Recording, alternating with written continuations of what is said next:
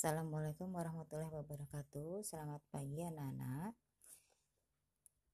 Materi hari ini untuk tiketing adalah kita akan mempelajari tentang bagaimana cara membaca air tarif atau passenger airline tarif yang kalau di sekolah kalian lihat bukunya itu yang tebal-tebal yang suka dibawa sama anak kelas 12 sebelumnya. Di kolom yang ada di passenger airline tarif ini adalah ada kolom fare type. Dalam arti di sini adalah kode dari kelas penerbangan contohnya misalnya kelas Yankee kelas Charlie atau kelas F atau Fanta first class atau ada kelas IEE 6M atau yang disebut dengan Economy Excursion 6 months atau 6 months ya atau 6 bulan. Yang berarti masa berlaku dari harga itu adalah 6 bulan kemudian kolom berikutnya adalah CAR CDE CAR CDE itu maksudnya adalah carrier code carrier code ini maksudnya apabila di kolom tersebut terdapat eh, nama penerbangan atau kode penerbangan, maka harga yang tercantum di situ adalah untuk penerbangan yang ada di situ. Ya. Misalnya contohnya untuk penerbangan United Airlines atau untuk KE misalnya. Uh, Korean Airlines. Nah, berarti harga atau angka-angka yang tercantum di situ itu untuk penerbangan yang menggunakan atau yang menggunakan penerbangan Korean Airlines atau United Airlines. Kemudian ada kolom headline city currency. Headline city currency itu uh, adalah mata uang setempat, mata uang setempat. Misalnya kalau Jakarta, Jakarta itu kan termasuk Indonesia. Indonesia itu menggunakan mata uang apa?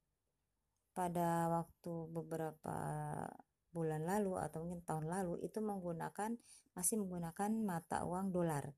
Tapi saat ini kita sudah menggunakan mata uang e, rupiah ya untuk pembayaran e, internasional.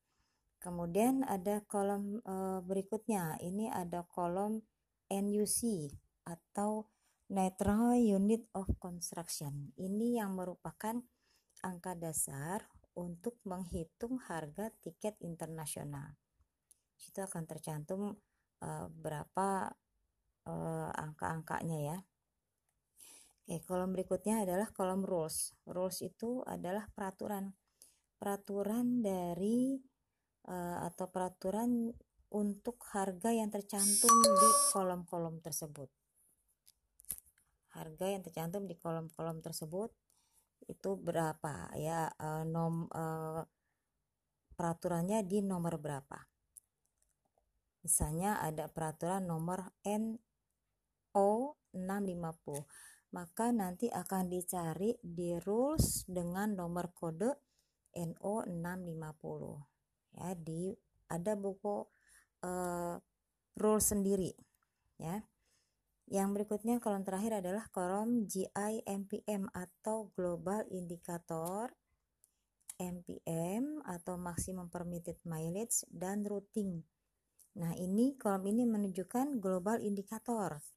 Global indikator itu ada uh, merupakan dua huruf kode yang digunakan untuk menghitung uh, sorry menentukan arah perjalanan dan sekaligus untuk menentukan harga. Itu global indikator. Kemudian untuk MPM itu adalah maksimum permitted mileage. Jadi jarak maksimum yang diizinkan dilalui dari origin ke destination atau ke titik terjauh. Ya itu berupa uh, miles ya berupa uh, kalau di ini kan kilometer ya kalau untuk jarak antara satu kota dengan kota lain tentu ditentukannya dengan berapa miles ya. Itu untuk MPM kemudian routing yang tercantum routing itu ada misalnya rute-rute penerbangan dari mana ke mana itu ada di ada kodenya di sini. Misalnya kode 0007 nah berarti ada di uh, routing di nomor 7 ya.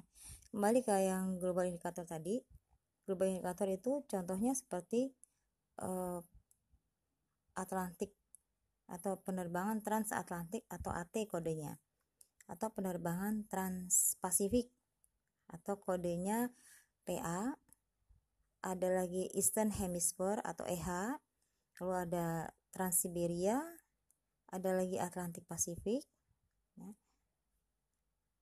Dan uh, ada beberapa lagi ya selain itu ada spot kurang lebih ada 10 global indikator